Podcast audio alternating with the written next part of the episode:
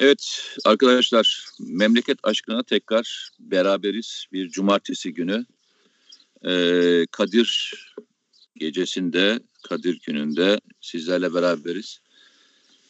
Ee, ya her cumartesi veya her e, görüşmede karşınıza geldiğinizde istiyorum ki böyle güzel şeylerle konuşalım. Hani e, böyle ya şu oldu dünyada işte Covid bitti artık dünyada barış geldi o geldi. Ben söyleyeyim o zaman. Ne? Yani haftalardan beri yani bu hastalığın belli bir sürecinden beri aşı gündeme geldiğinde hep e, dünyada e, dünyada kapitalist eşitsizliği, sömürüyü ve e, emperyalizmin zulmünü ve çıkarcılığını e, net bir şekilde yaşadık. E, aşı firması üreten batılı firmalar bunun patent haklarını e, dünyadan esirgediler. Kendi ülkelerine görüyoruz. Amerika'da AstraZeneca 60 milyon fazla almışlar. E, riskli gördükleri için ne yapıyorlar? İşte bunu isteyen ülkeye verebiliriz. Çünkü niye bazı e, şey riskleri var, sağlık yönünden riskleri var. Adam elindeki arızalı yani beğenmediği e, iğne iğneyi dağıtmayı düşünebiliyor. Ama ne sen şimdi daha siparişleri siparişleri öyle yığmışlar ki nüfuslarından fazla fazla yani ihtiyaçlarından fazla fazla. Şimdi bütün toplumu da gitgide aşılıyorlar. Özellikle işte İngiltere'si, Amerika'sı, Avrupa ülkeleri, İsrail'i falan filan. Şimdi o zaman şunu söylemiştik. Yani Türkiye bunun aslında bayraktarlığını yaptı. Türkiye o yüzden... Sen yaptın hakikaten... yoksa neden götürüyorsun? Ne yaptın? Ha? Nasıl? Sen mi yaptın yoksa aldın gidiyorsun yine? Yok. Şunu söyleyeyim. Türkiye'nin ahlaki yaklaşımı bu konuda çok önemliydi. Ee, dedi ya Türkiye e, patent eğer biz aşıyı bulursak patenti dağıtacağız e, dünyaya falan ücretsiz diye. Şimdi bu yaklaşımın işte Amerika Biden e, bunu söyledi geçenlerde. Biz patent hakkının e, korunması konusunda daha şeyiz. Artık bunun dağıtılmasını düşünüyoruz falan diyoruz diyor ama Pfizer'dı, BioNTech'ti falan filan buna karşılar. Ve dünyada şöyle düşünün. Yoksul ülkelerde aşılama neredeyse yok gibi ama zengin ülkelerin tamamı kendini aşıladı. Şimdi Bakın dünyanın bütün aydınlarına bakın. Bu konuda hiçbir çıt yok. Hiçbir ses yok. Hiçbir tepki vermiyorlar. Ya bundan daha açık sömürü ve zulüm var mı insanlığa karşı ve bu salgın karşısında? Ama sesi çıkmıyor modern dünyanın, batı dünyasının. Bu ayıp bunlara yeter. Ama nihayetinde iyi haber ne? Yavaş yavaş bu patent hakkının e, kaldırılması konusunda girişimler var ama Türkiye bunu aylar aylar önce söylemişti. Tabii onun hiçbir sözü, e, yani, Türkiye'nin sözü ne olacak diye bakmışlardı. Bu sene e, kendisine hedef koyduğu rakam 35 milyar dolarmış. Pfizer'ın Pfizer'ın elde edeceği gelir bu sene için 35 milyar dolar. Tabii. Bir de başka bir şey daha var. Şimdi yavaş yavaş artık şu çıkıyor ortaya. Ee, ne deniyor? Yani tamam arkadaşlar hani bir defa vuruldunuz, iki defa vuruldunuz bu sizi kurtarmayacak. Artık nereye evet. geldik? Her Üç. sene grip aşısı evet, gibi. Tabii. Hayır, her sene grip aşısı gibi üzerine bir defa daha aşı vurulacaksınız. Yani tabii her sene ben bu sarmalı 35 milyar dolar 35 milyar dolar yapacağım diyor adam yani e, felsefesi ve kavramı bu. Ya sen şimdi bazen çok iyi niyetli oluyorsun. Ben bazen bu iyi niyetin e, beni çok sarsıyor. Ee, İnsanlar hani iyi de o yüzden. Safiyane, İnsan... safiyane duygularıyla evet. ilgili. Ma- maalesef hala bu yaşta böyleyim. Ya düşünsene e, adam geçen gün kimdi? Bir İtalyan milletvekiliydi. Hatırlıyor musun? Fransa'yı eleştiren bir konuşma yapmıştı. İtalyan bir milletvekili. Evet, e, Adam, evet, evet.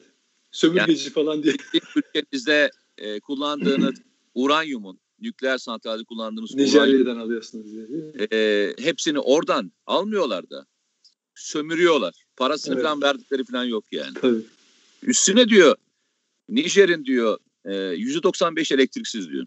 Tabii. Tamam. Evet. Yani böyle bir ortamda sen böyle geliyorsun böyle insani e, konuşmalarla hani aşı patentini falan verelim, aşı patenti verilsin falan gibi böyle böyle böyle konuşma yapınca hani beni hani olay acı şey olmasa acı bir olay olmasa kahkaha atacağım da olay acı. Yani şurama kadar geliyor ondan sonra zorlanıyorum yani. Şimdi dün akşam seninle beraber yine CNN'deydik. Hep öyle konuşuyorum hadi. Seninle beraber CNN'deydik. Evet. Seninle beraber CNN'deydik. Ee, Uluç Büyükelçim Mesut Hakkı Cayaş'ın hocamla beraber konuştuk. Biraz konu başka bir yerdeyken aldı başını işte e, Mescid-i Aksa'daki yaşananlara denk geldi. Oradaki yaşanan olayları biraz tartışmaya çalıştık. Uluş Bey bir şey dedi. Ben biraz onun üzerine kurmak istiyorum. Aslında senin de çok dertlendiğin, benim de çok dertlendiğim bir konu bu. O konu ne? Dedi ki Osmanlı savaşlarda kaybetmediği halde hep masada kaybettiği için e, bu kadar çok büyük topraklar kaybettik dedi hatırlarsan. Yani söylemi bunun üzerineydi. Hani Yunanistan örneği de bunun aslında en önemli örneklerinden bir tanesidir. Ben de üstada şunu dedim. Dedim ki o masa bildiğiniz diplomasi masası değil. O masa Türkiye Cumhuriyeti'nin kendisiydi. Osmanlı'nın kendisiydi. Kendi coğrafyasıydı. Kendi coğrafyasına ne zaman başka bir yerde bir toplantıya girilmiş olsa, bir toplantıya başlamış olsa hepimizin malumu e, bir saldırıya uğrar veya içeriden bir iç isyan başlatır. Yani masaya giden e, heyet e, Türkiye'den gelen e, isyan haberleriyle e, e, karşılaşır. Bunun örneğini de Musul örneğinden vermiştim. Yani masa dediğiniz yerde kaybettiğimiz, kaybettirdiğimiz alan diplomasimizin zayıf olması, askeriyemizin zayıf olmasından kaynaklanmıyor. Türkiye'de kullanışlı materyalin bu kadar rahat olabilmesinden kaynaklanıyor demiştim hatırlarsan. Çünkü bir müddet sonra bunların her biri unutuluyor. Yine e, karşımıza başka türlü pozisyonlara getiriliyor bu insanlar. Dün de sen de aynı şeyi konuştun. Biraz buradan başlayalım. Çünkü bu konu aynı zamanda Mescid-i Aksa'yı da ilgilendiriyor. Neden Mescid-i Aksa'yı ilgilendiriyor? Çünkü güzel bir kelime duydum bugün. Çok hoşuma gitti. Ee, Twitter'da yazmış birisi. İlk kıblesine sahip çıkamayanlar son kıblesine de sahip çıkamaz diyor. Çok güzel bir laf. Müslümanların Çıkamadı durumu zaten. da bu. He? Tabii. Çıkamadı yani, zaten. Müslümanların durumu da bu şu anda. Yani e, hep başkalarını suçluyoruz. İşte işte İsrail bunu yaptı. İşte Hristiyan dünyası bunu yaptı. Ya arkadaş kaybettiğimiz yer kendi coğrafyamızın içerisindeki inançların içerisindeki bu kadar kişiler. İşte bizim için en önemli örneklerden bir tanesi FETÖ örneği. Yaşadık işte. Hadi hep beraber gelin bunu konuşalım biraz. Bugün biraz cumartesi günü bunu biraz e, seninle beraber açalım isterim. Buyur. Şimdi ben e, askeri askeri alanda kazandığımız e, zaferi biz genelde masa başında kaybettik. Cümlesine katılmıyorum. Yani orada belki yanlış anlaşılır falan diye çok net ifade etmedim de zaten o konuya ben ama ben ona katılmıyorum. Ee, bununla ilgili bana uğruna savaş verilip de e, kaybedilmiş bir örnek veremezsiniz. Yani ben bu bir, dünya, dünya tarihinde. Nedir vereyim, mesela? Çok rahat vereyim sana. Tabii. Ee, e, Musul'da e, durdurduğumuzda e, şeyi İngilizleri durdurduğumuzda yani orada durdurulduğunda hat kabul edilmişti Beyat biliyorsun. E, o hat anlaşmalarda daha sonra İran tamamı oldu. Biliyorsun nerede durdurulduysan orası hat kabul edilmesi gerekirdi. Örnek Azerbaycan e, o dönemde e, işgal edilmemesi gereken yerlerden bir tanesiydi. Aynı şekilde işgal edildi. Yani ben aklıma gelenleri birer birer ben, sayayım. Ben şöyle e, mücadele Musul'u kaybetmedik yani biz Musul'u askeri olarak kaybetmedik onu söyleyeyim sana yani. Yok şöyle Lozan'da halledilmemiş meselelerden biri diye hep konuşulur. E, ama e, şeyin e, Anadolu Kurtuluş Savaşı'nın e, ne için verildiği belli. Onun Musul'un Musul'un şöyle Musul eğer e, nasıl anlatalım onu yanlış ifade etmeyelim. Yanlış anlamaya da sebep olmayalım. Musul'un sosyolojisi efendim. Sesin herhalde şeyden kaynaklanıyor böyle e, donarak geliyorsun haberin olsun. Kesiliyor mu? Dur bakayım diğer Yok, şeyden bir bağlantı var. Sen, dona dona geliyor. Şimdi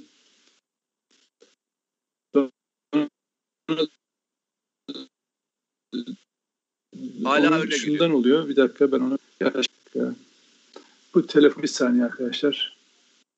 Ben o zaman devam edeyim arkadaşlar. Sen devam et evet lütfen. Biraz devam edeyim.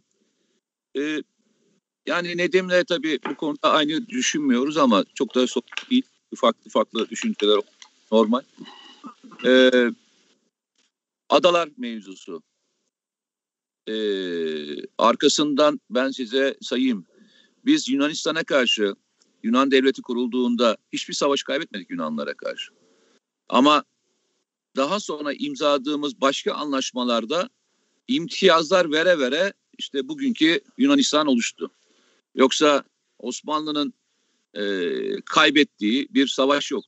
Dört başka olayın yüzünden e, bir coğrafyada bir Yunanistan diye bir devlet kuruldu arkadaşlar. Yani dün görüntüleri seyrederken, Mescid-i Aksa'daki görüntüleri seyrederken, şimdi dünyada çok önemli kutsal e, yerler var. Yani bunun eşidi neresi derseniz, yani e, Roma dersiniz, örnek veriyorum. Roma dersiniz yani.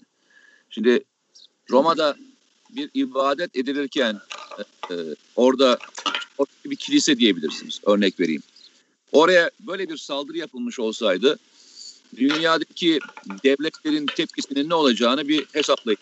Ama dün baktık ve gördük ki e, Türkiye Cumhuriyeti Devleti'nden hariç bu konuyla ilgili bir e, sesini yükselten bir ülke olmadı. Yani yalnızca e, Türkiye Cumhuriyeti Devleti'nin Müslümanlarının ilk kıblesi değil. Müslümanların tamamının ilk kıblesi. Ama diyorum ya bakış açısı, hayatlarındaki duruşlar ve diğerleriyle ilgili yaşadığımız bütün problemler ki en yakındaki işte Birleşik Arap Emirlikleri, Suudi Arabistan dahil olmak üzere, Mısır dahil olmak üzere bu konuda dün akşam herhalde çıt çıkmadı değil mi? Yani şöyle net duruşu olan hani bunun bir devlet terörü olduğunu daha önce de daha ağır eleştiriler de yapmıştı. Yalnız Türkiye oldu tabii. Türkiye'nin bu yani zaten e, Osmanlı İmparatorluğu'ndan gelen o kadim e, ne diyelim e, anlayış e, Türkiye Cumhuriyeti'nde de aynen devam etmektedir yani. Dolayısıyla yani daha önce Osmanlı'nın e, işte parçası olan bu e, son yıllara kadar devlet bile hüviyeti taşımayan e, grupların eleştirmemesi yani bir şekilde anlaşılabilir. Hatta daha kötüsü bu İsrail'de Filistinlere, Mescid-i Aksa'ya bu uygulamaları yapan İsrail'le e, normalleşme adı altında e, düğün bayram yapan ve işte İslamiyet temsilcisi olduğunu söyleyen e, ülkelerin hazin hali. Çünkü bu, bu, bu ülkelerde, bu coğrafyada en kolay, en ucuz şey adam. Adam satın almak bu bölgede e, top, bir toprağı da ele geçirmenin, bir ülkeyi yönetmenin en kolay yolu oradaki adamı satın alırsan e, emperyalizmde en kolay yaptığı şey bu. Çünkü toprakları satın al, al al bitmez. Ayrıca alsan da yönetemezsin. Üzerinde de yaşayan bir halk var. Ama onların başına öyle bir adam koyarsın ki satın aldığın adamı orayı da yönetirsin. Alt, yerin altını da üstünü de insanı da her şeyini de sömürebilirsin. Arap coğrafyasının yaşadığı şey budur. Yani bunu hani İslam coğrafyası diye çok daha genelleştirmiyoruz. Çünkü İslam bütün e, küresel olarak yaşayan bir din, evrensel bir din. Ama Arap coğrafyasının hali pürmelali budur.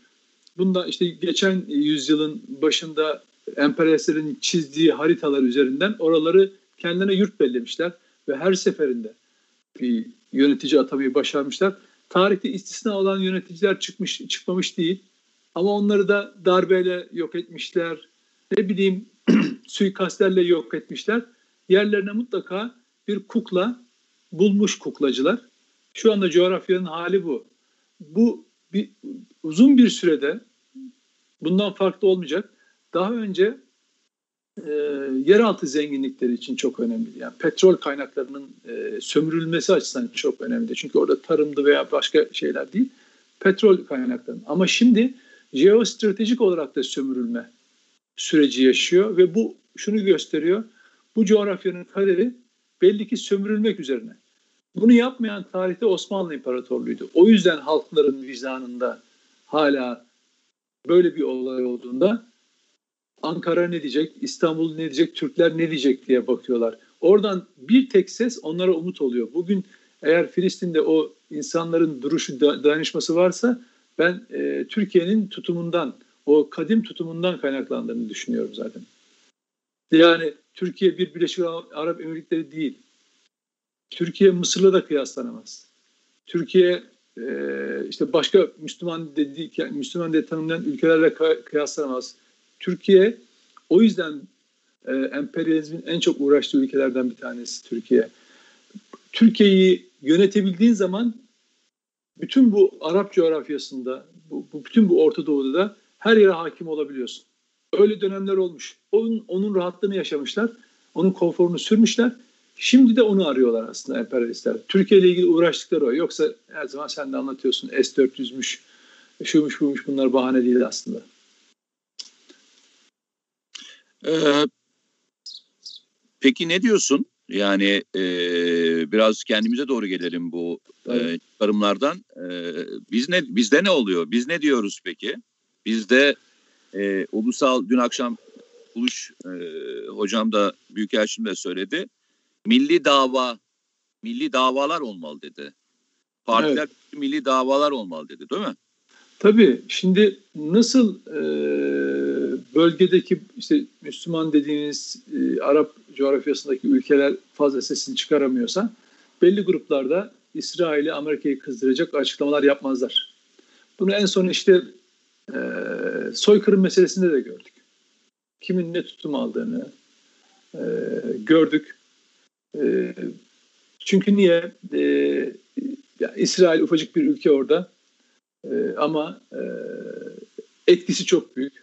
Ülkelerde iktidarları belirleyebiliyor. Ben dün akşam da anlatmaya çalıştım. Türkiye'nin 2009'dan sonra yaşadığı bütün olayları bakın hep arkasında Amerika ve İsrail'i görürsünüz. Yani e, işte e, One Minute olayıyla beraber 2009'da e, İsrail'in şeye Erdoğan'a, Cumhurbaşkanı Erdoğan'a yönelik saldırıları arttı dolaylı doğrudan. Bunun içerideki uzantısı Fethullahçı terör örgütüydü. Bir polis imamı Bingöl'de polis ile bir toplantı yapmış o zamanki FETÖ'cü polislere anlatıyor lojmanda. Diyor ki 2010 yılında diyor şu abi geldi diyor ee, artık bundan sonra Erdoğan'a karşı e, her kim varsa siyaseten onu destekleyeceğiz. Ee, bunu ben kitabımda da yazdım. Şeytanın Karakutusu kitabında. ismi falan var yani şimdi aslında onu bulup da okuyabilirim. Ee, çünkü diyor bu Mavi Marmara olayı iyi olmadı. Eğer Mavi Marmara olayını başarabilseydi Erdoğan diyor bize bunun bedelini ödetirler de dünyada okulumuz okulumuz kalmazdı diyor. Kim? İsrail. Peki ne yapacağız diyorlar. En, en diyor yapabileceğiniz şey şu diyor. Bulunduğunuz yerde her seçimde AKP'nin karşısında ikinci parti kimse ona oy vereceksiniz diyor. Polis itiraz ediyor. Diyor ki ama burada diyor HDP diyor ikinci diyor. Ona vereceksin diyor.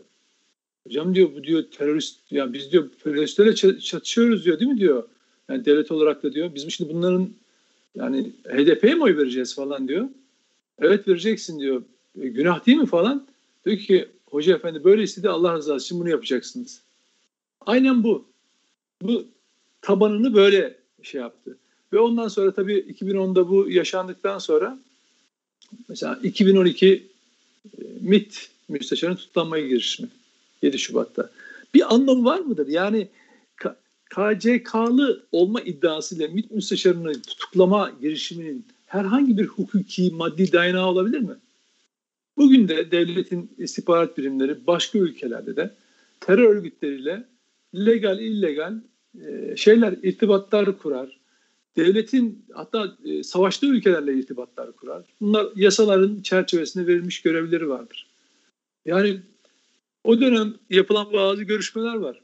Hı hı. E, ve bu görüşmeleri işte KCK üyeliğinden onları tutuklamaya ve aklarına soruşturma açmaya götürecek bir durum muydu? Ama toplumda bir meşruiyet algısı yaratması gerekiyordu. İşte bunlar KCK yardım yataklık falan filan diye.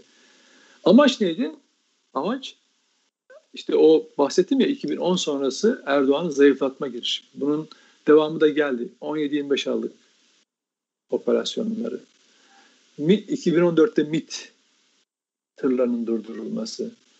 Olmadı büyük bir kavga ardından 15 Temmuz darbe girişimi. Bütün bunların arkasında şöyle zannetmeyin.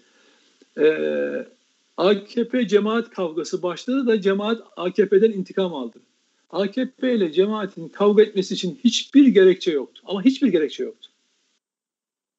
Yani hatta ben 2010 öncesine dönün. Neydi 2010? FETÖ elebaşı Gülen'in Mavi Marmara olayında İsrail'e hak vermesi Türkiye'yi suçlamasıydı. Yani işte böyle bir şey için İsrail devletinin izin alınmalıydı. Bu yanlış oldu falan diye. Kendi yerini net belirledi. Net belirledi. Yani İsrail'in yanında olduğunu FETÖ elebaşı açık açık belli etti. Bugün yaşadığımız olaylar o kadar birbirine bağlı ki her şey. Bugün yaşadığımız olay o 2009'lara o kadar dayanıyor ki bizim yaşadığımız her şey bölgedeki gelişmelerle o kadar ilgili ki. Ve 2010'dan sonra düşünün 2010'dan önce AKP ile FETÖ'nün ya da cemaatin kavga etmesi için herhangi bir neden var mıydı? Yoktu. Tek neden ortaya çıktı. İşte Erdoğan'ın one minute çıkışı. 2009, 2010 Mavi Marmara meselesi. Ondan sonra süreç 2016-15 Temmuz darbe girişimine gidiyor. Ben hep diyorum her şeyin bir hayrı bir şerri, her şerrin bir hayrı da vardır diye. Bütün bunlar yaşandı. Çok büyük zulüm, zulümler çektik. Hepimiz bireysel olarak da haksızlıklara uğradık. Bütün bu kavgalar içinde. Arada arada e, kaynayan giden insanlar oldu, ölen insanlar oldu, binlerce insan mağdur oldu. FETÖ'den bahsetmiyorum ha. FETÖ'cülerden hiç bahsetmiyorum. Yani bir örgütte eğer birisi eğer kod adı bile kullanıyorsa benim için o adam suçludur zaten. Hiç hiç tartışmam. Yani ben Ergenekon balyoz süreçlerinde siz hiç duydunuz mu? O kadar binlerce asker işte bunlar darbe yapmak istiyorlar falan dediler. Örgüt dediler falan. Bir tanesi de kod adı suçlamasında bulunabildiler mi? Çünkü öyle bir şey yoktu. Öyle bir örgüt yoktu. Ama FETÖ'cülerin hepsinin ama hepsinin bazılarının eşlerinin de. Kod adları var ya. Kod adı. Kod adı kullanmak nedir? Daha 13-14 yaşındaki öğrenciye imamı, abisi, örgüt yöneticisi senin adın bundan sonra bu dediğinde bunu alıp kabul eden adam o suçu kabullenmiş demektir. Örgütler kullanır kod adını. Neyse. Geldik e, 2016 sonrasına. Bütün Türkiye 2016'dan itibaren artık iki, hatta şöyle söyleyeyim 2016 öncesi e, Türkiye bir takım politikalar, Orta Doğu politikaları e, izliyordu. Ama bunlar hep şöyleydi yani bana göre. Batı Batı gözlü, gözüyle şeye bakmak. Bir süre sonra değişti bu tabii ama. Ama 15 Temmuz'dan sonra artık coğrafyayı Türkiye tam merkezinden, kendi bulunduğu bölgeden okuyor. Yani Türkiye artık bölgeden, kendi ülkesinin çevresinde ve bölge halkları açısından hakları koruyan, hakları öncüleyen, emperyalizmin haklarını değil, kendi ve bölge komşu ülkelerin haklarını. Mesela Libya'da olduğu gibi. Çok net yani gel bu Libya ile operasyona kim karşı çıktı? Emperyalistler. Bir de içerideki emperyalist uşakları değil mi? Ama Türkiye coğrafyayı böyle okuduğu için bunu kazandı. Buna benzer başka işte Doğu Akdeniz'de Ege'si hep kendi çıkarı açısından e, bakıyor ve hakları açısından bakıyor. Şimdi bugün e, eğer Türkiye'de İsrail ve Amerika kendi istediği gibi yönetim oluşturmuş olsa o kadar mutlu olacak ki ne tepkilerle ne açıklamalarla karşılaşacak.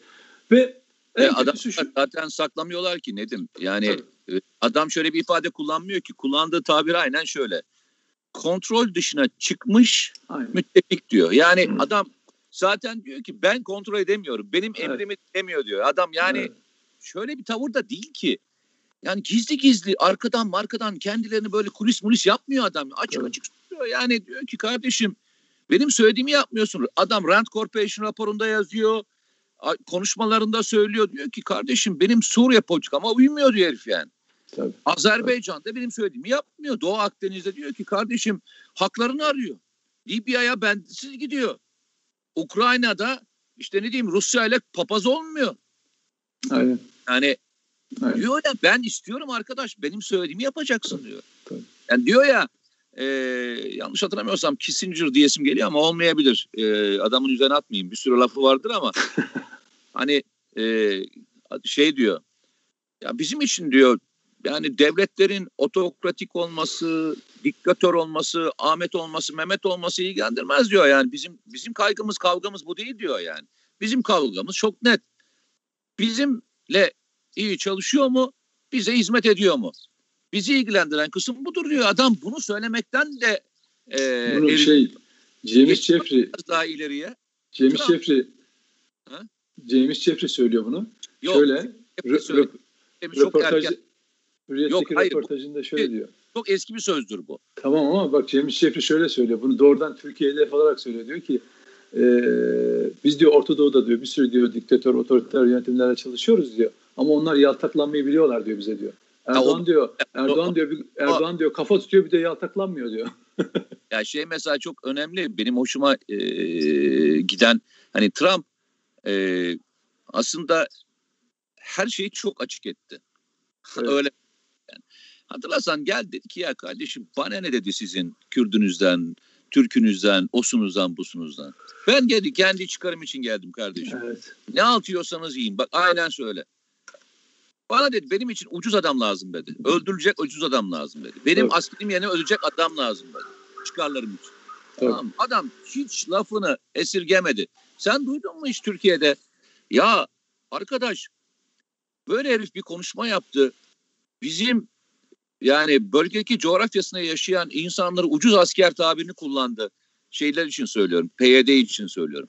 Hiç evet. duydun mu Türkiye'de böyle bir şey?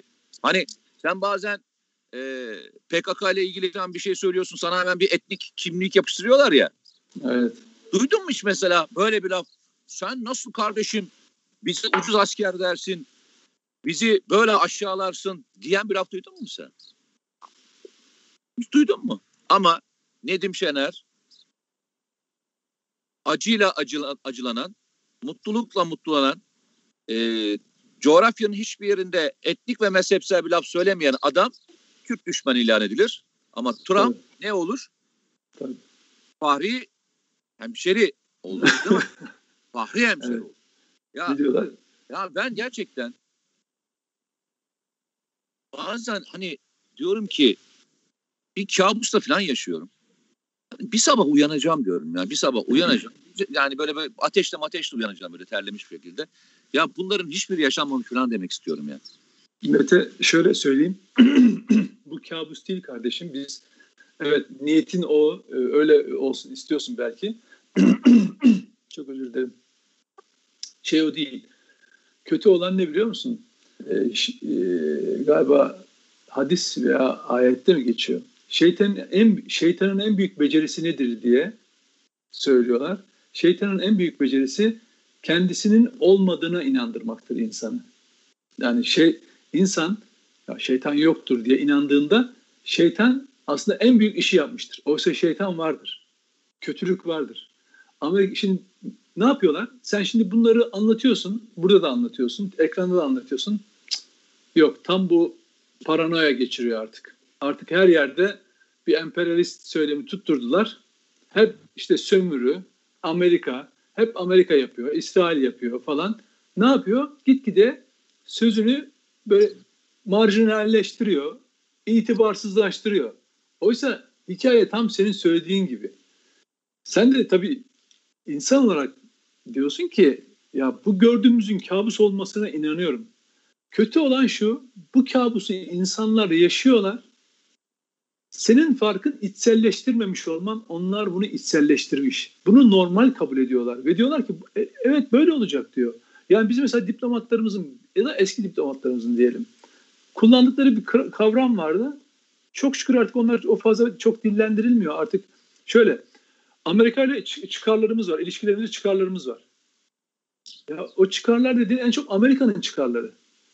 Peki hiç haklarınız yani Türkiye'nin hakları yok mudur? Yok Amerika'nın çıkarları vardır. Yani Amerika Amerika çıkarlarını bir cümlenin içine yerleştirdiğinde orada kaç kişinin öleceğini, kaç şehrin yerle bir olacağına bakmıyor. Dünyaya bunu kabul ettirmiş. Diyor ki Amerika diyor bilmem ne yaptı diyor şuraya operasyon yaptı diyor çıkarlarını korumak için falan. Ha evet ya adamın çıkarları var tabii koruması lazım. Bunu insanlara kabul ettirmiş. Em, emperyalizmin en büyük başarısı budur. İnsan satın al diyorum ya bu bölgede bu Orta Doğu'da en kolay en ucuz şey insandır ve onu da satın alırlar ve bölgeyi böyle yönetirler. Yoksa İsrail nüfusu 10 milyon mu kardeş? Dünyada 15-20 milyon şey mi 25 milyon Yahudi mi var? Peki Amerika'da 10 bin kilometre uzaktan milyar insanın bulunduğu coğrafyayı nasıl yönetebiliyor bu kadar? Nasıl yönetebiliyor? Oralarda atadığı kukla yöneticilerle kuk, kuklacılık yapıyor ve oradakiler ufak tefek çıkarlar uğruna birbirlerine giriyorlar. Ne altta inanç ne üstte e, e, bir milliyet duygusu, aidiyet duygusu tamamen ceplerine bakıyorlar. Adam yani Suudi Arabistan prensi gidiyor İngiltere'de ne, bir resme gidip 450 milyon dolar verebiliyor ya. 450 milyon dolar. Ya. Batılıların en çok sevdiği şey. Git İngiltere, Londra'da bütün lüks semtler yani daha doğrusu antik bu eski şehir yani o şehir merkezinin olduğu yerdeki o binaların çoğunu milyon dolarlarla, milyar dolarlarla bunlara satmışlar. Şimdi İngilizler bundan vazgeçer mi?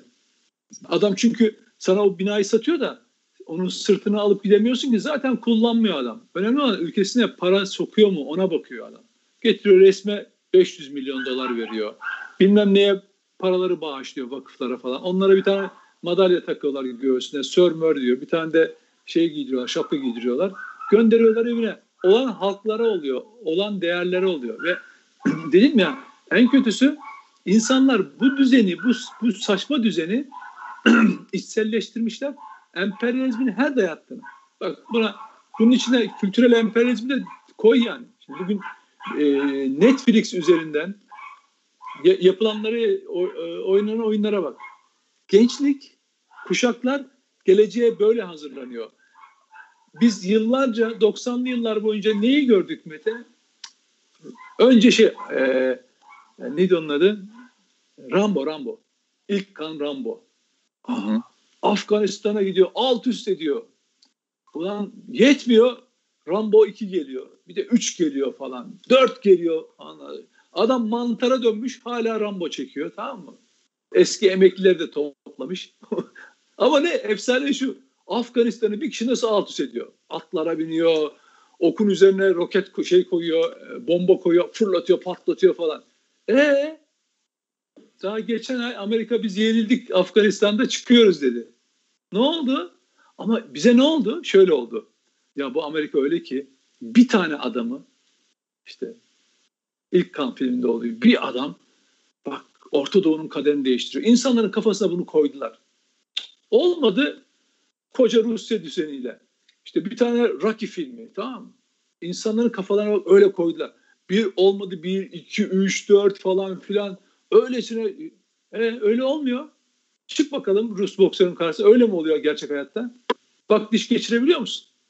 Adam kendi sisteminin içinden çürütmemiş olsa kimse yıkamazdı onu. Ama kendisi çünkü bürokratik sosyalizm oluşturduğu için yani gerçek sosyalizmi kurmuş olsa belki o çünkü orada çok gelişmeler sağladı onu ilk aşamalarında hep olduğu gibi ama sonradan bürokratikleşmeye başlayınca bürokratikleşmeye başlayınca çürümeye başladı. Çok doğaldır bu her iktidar hani çürür. Mutlak iktidar mutlak çürür. Orada da mutlak iktidarda bürokrasi sistemi çürüttü.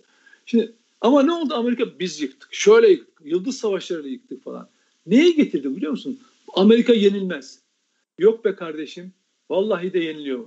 Bir tane bayraktar denilen bir adam ya da bir Anka e, İHA'sı geliyor Orta Doğu'da o koca Amerika'nın en güçlü olduğu zamanda. Bugün en çok güçlü bir halde silah sistemleriyle falan. Alt üst ediyor. Bütün oyun planlarını bozuyor terör devleti kurmaya çalışıyordu Suriye'de. Bir, bir dursana orada bir dur. Orada bir dur. Orada bir dur. Zamanında da böyle insanlar vardı. Yani Kurtuluş Savaşı'na da böyle insanlar vardı.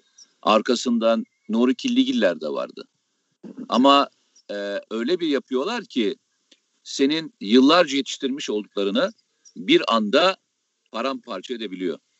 Yani sen 20 e, onlarca yıl bir şey yapmaya çalışıyorsun, bir noktaya getiriyorsun öyle bir darbe vuruyor ki sana o 40 Tabii. yılını feda ed- ettirebiliyor. Hikayenin tam söylediğin yeri aynen orada bir ekleme yapayım sana. Netflix dediğin için aklıma geldi. Ee, Netflix'te bir e, dizi var. Tabii şimdi Ben bu arada, böyle... bu arada söyleyeyim hiç Netflix izlemedim abone de değilim onu da söyleyeyim yani. Yok yok Netflix'te bir dizi var. ee, Eli Cohen diye bir kişi var. Bu Eli Cohen e, İsrail bir ajanıdır. E, İsrail bunu e, bölgeye Şam'a sokuyor 1960'lı yıllarda çok üst düzey bir noktaya kadar geliyor herif tırmanıyor. İsrail bu arada adama. Yalnızca iyi Arapça kullanıyor, biliyor.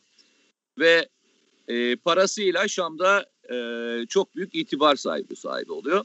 Ve o dönemin bütün bilgilerini anlatıyor. Şimdi bazen Orta Doğu coğrafyasındaki yaşananları e, neyse ki Netflix var diyorum da öğreniyoruz. Bak ben... Şimdi ben anlatsam, şimdi ben anlatsam, sen anlatsan her zaman şöyle bir kavramla geliyoruz karşımıza. Ya arkadaşlar, yani çok kurgu yapıyorsunuz. Yani e, kurgu üzerine gidiyorsun.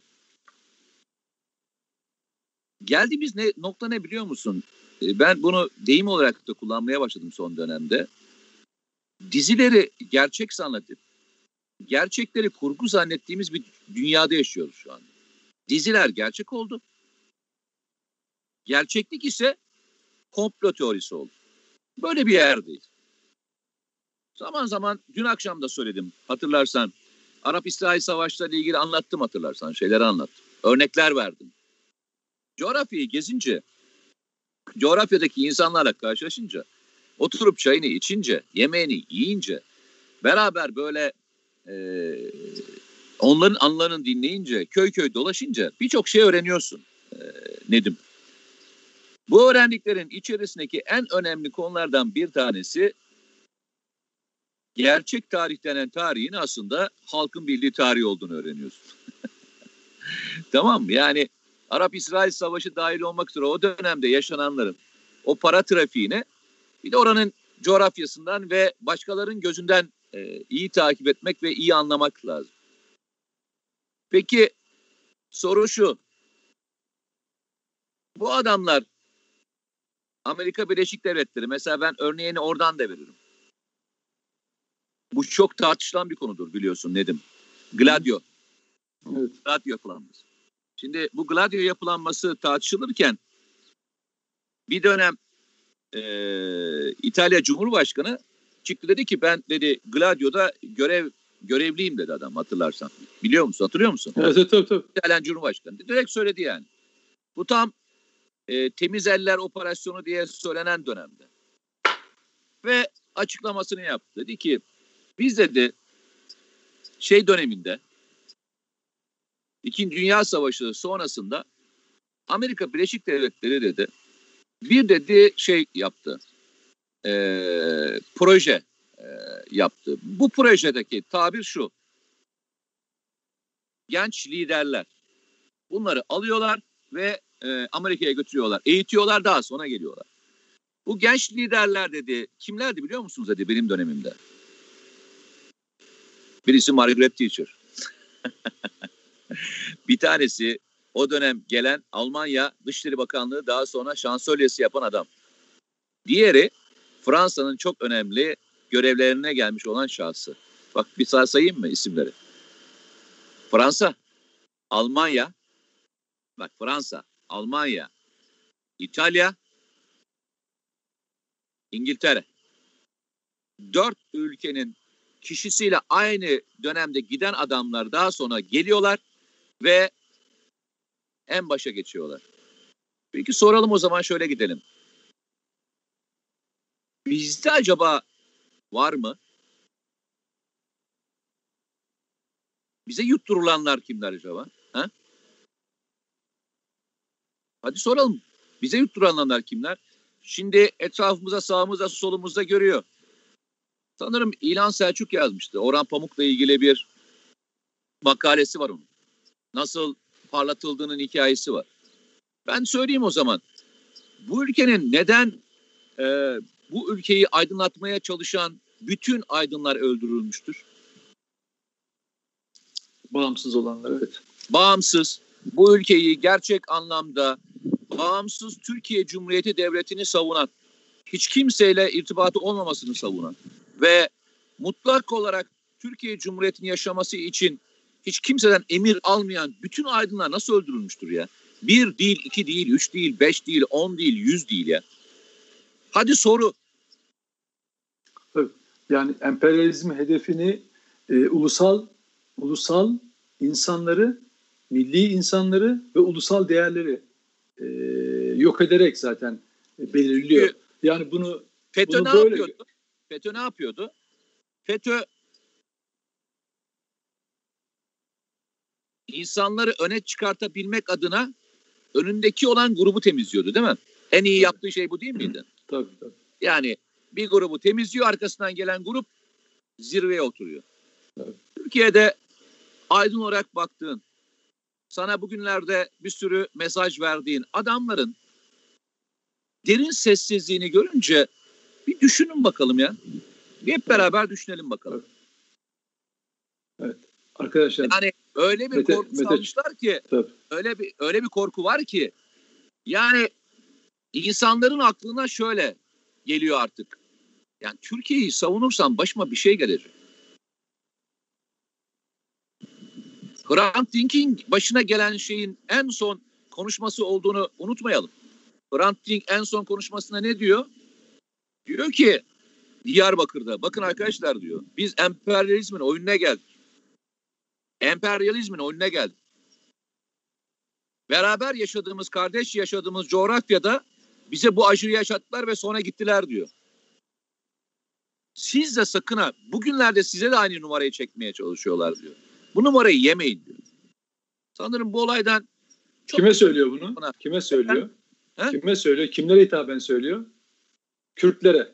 Yok Kürtler demeyelim. Kürtlere ee, yok yok Kürtler. Bu şey. Abi, bak yok, yok. nereye geleceğim? Hocam, söyleyeyim.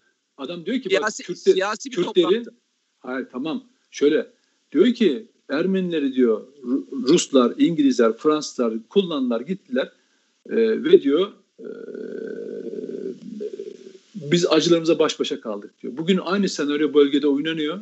Amerika diyor bugün Kürtleri diyor kullanıyor kullanacak diyor ve işi bitecek çekip gidecek diyor. Bizi acılarımıza baş başa bırakacak. O yüzden yapmayın diyor. Bak bunu niye söyledim biliyor musun?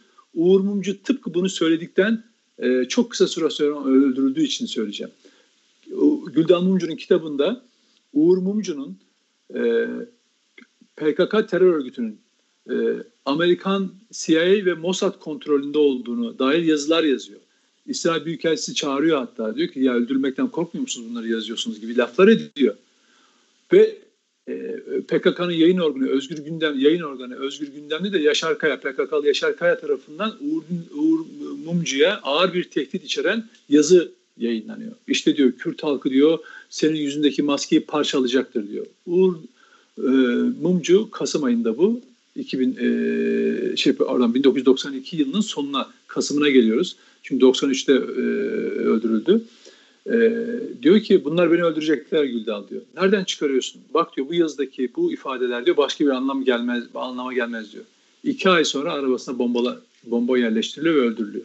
Yani bölgede bak Türkiye bak aynı şey Türkiye'nin izlediği ulusal politika için de geçerli. Türkiye bugün bölgede ulusal politika izlediği için bölgeye havadan, kardan, yer altından, yer üstünden hakim olduğu için, denizlerine hakim olduğu için yıkılmak isteniyor, yok edilmek isteniyor, bölünmek isteniyor. Aynısı. Emperyalizm ulusal hiçbir değeri ayakta bırakmaz. Değerlerini yık de, içeriden hiç ilgisi olmadığı halde içeriden dedin ya dizilerden falan bahsettik. İçeriden değerlerini sarsar, inancını sarsar. inanç, inanç. Çünkü seni bir arada tutan hangi kavram var? Mesela Kızılay. Sürekli Kızılay'ın hedef alınması boşuna değildir. Mesela AFAD çatıdır değil mi? Yani toplumun çatısı. Hani afet anında onu itibarsızlaştırır. Senin güvenini sarsar. İnancın sürekli senin inancınla ilgili karalama yapar. Seni zayıf düşürür. Bayrağın hep onu işte bayrak, e, faşizm, bilmem ırkçılık hep ortak değer. Vatan dersin ırkçı bunlar da. Ne kadar senin ulusal değerin varsa onların içini boşaltmaya çalışır. İki, içeriden devşirdiği adamlar var, adamlar, ajan ajan. Bak dizilerden örnek verdik. Bildiğin yerli ajanlar var ya.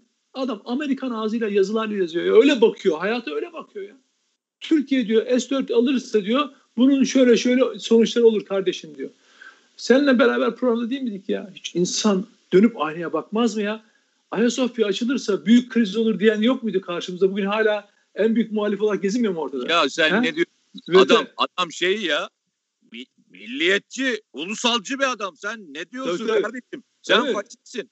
Tabii. Ben faşistim. Ben Kendine, vatansever değilim. Onlar vatansever. Tabii, tabii. Atatürk'ü Atatürk, Atatürk'ü şey yapmış, ticarete çevirmiş gazetenin içinde adam yazılar yazıyor. Biz o gün diyoruz ki ya bu Türkiye'nin kendi alacağı karardır.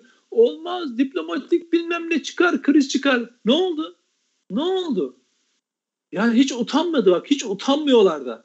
Hani bizim artık onlarla yolumuz yok ama hiç utanmıyorlar biliyor musun? Bunları söyledik de ne oldu kardeşim? Senin hani biliyorsun ki bir şöyle yapıyor. Biliyorsun Ankara kulislerinde Dışişleri Bakanlığı koridorlarını el, nabzında elinde tutan arkadaşımız yıllardan beri diplomasi muhabirliği yapıyor. Bir de havası bak kariyere bak ha. İki satır, üç satır kariyeri dolu. Diplomasi, işte dış konuları takip etmiş.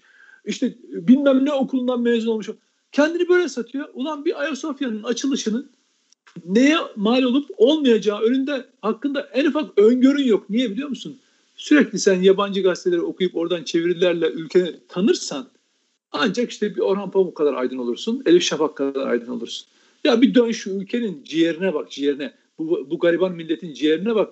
Nasıl o Ayasofya'yı açıp aç tutmayı da bildiğini, o kadim kültürünü görürsün. Ama adam öyle bakmıyor. Çünkü görevi ne?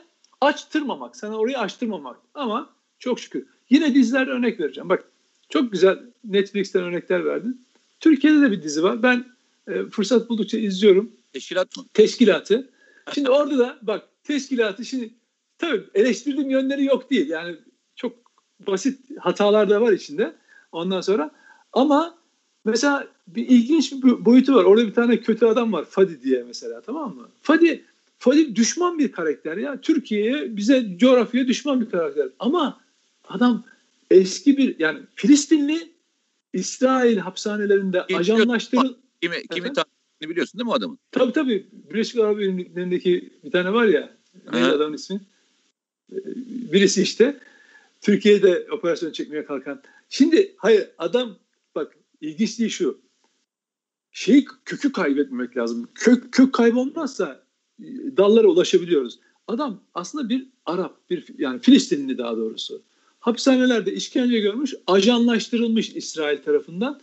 Şimdi tekrar tekrar e, İsrail şey, Filistin'e başbakan olmayı hedefleyen bir siyasetçi rolünde operasyonlar çekiyor ama bir yandan da sürekli Türkiye dahil olmak üzere bölgeye halkına kötülük yapma peşinde.